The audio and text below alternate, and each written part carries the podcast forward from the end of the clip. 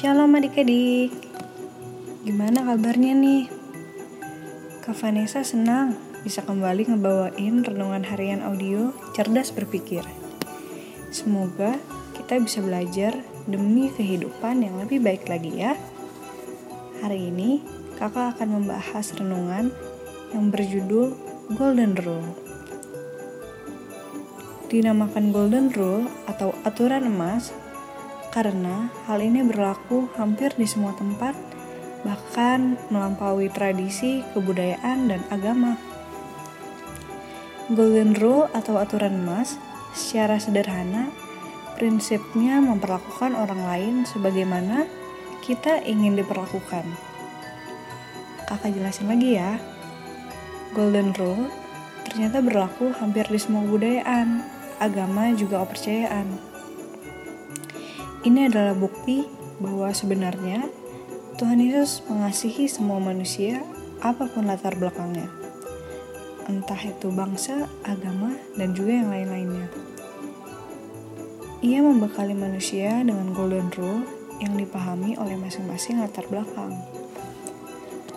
Nah, ternyata golden rule juga pernah diajarkan oleh Tuhan Yesus sendiri loh Golden Rule ini terdapat di dalam Matius 7 ayat 12 yang bunyinya adalah Segala sesuatu yang kamu kehendaki supaya orang perbuat kepadamu, perbuatlah demikian juga kepada mereka. Itulah isi seluruh hukum Taurat dan kitab para nabi. Ada satu lagi nih yaitu di dalam Matius 22 ayat 39 yang berbunyi dan hukum yang kedua yang sama dengan itu ialah kasihilah sesamamu manusia seperti dirimu sendiri. Dari ayat tadi, kita bisa mempelajari bahwa ternyata kita baru bisa memperlakukan orang lain dengan baik kalau kita bisa memperlakukan diri kita dengan baik pula. Nah, sebenarnya kedua ayat tersebut dapat kita jadikan petunjuk mengenai bagaimana bersikap dan juga bertindak. Hal ini penting banget loh, apalagi kaitannya dengan diri kita dan juga sesama manusia. Lebih sederhananya seperti ini.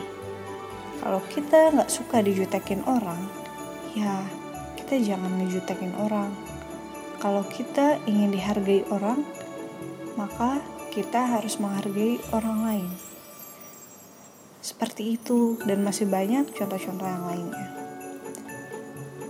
Dan perlu juga untuk diingat nih, ketika kita ingin berbuat sesuatu, kita perlu mempertimbangkan dampaknya bagi orang lain.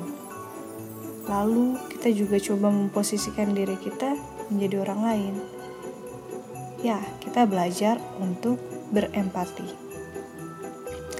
Tetapi sayangnya kadangkala ada beberapa orang yang tampak tak peduli dengan orang lain. Terdapat orang-orang yang memakai kendaraan bermotor yang suara mesinnya sangat keras. Mengendarakan motor di trotoar untuk pejalan kaki. Ada juga yang enaknya membuang sampah sembarangan. Dua contoh tersebut adalah tindakan yang tidak memikirkan dampak terhadap orang lain. Kemudian contoh di dalam skala yang lebih besar yaitu ada pihak tertentu yang egois sehingga membabat hutan tanpa mempedulikan dampak buruknya terhadap lingkungan dan bumi kita. Padahal, tindakan tersebut memiliki resiko yang besar dan merugikan orang lain dan juga lingkungan. Kemudian, selain itu, tindakan korupsi juga merupakan tindakan yang melanggar Golden Rule. Karena tindakan korupsi tentunya merugikan banyak pihak. Adik-adik, kakak memberikan contoh-contoh tersebut agar kita dapat berhati-hati dan lebih mempertimbangkan dalam bertindak.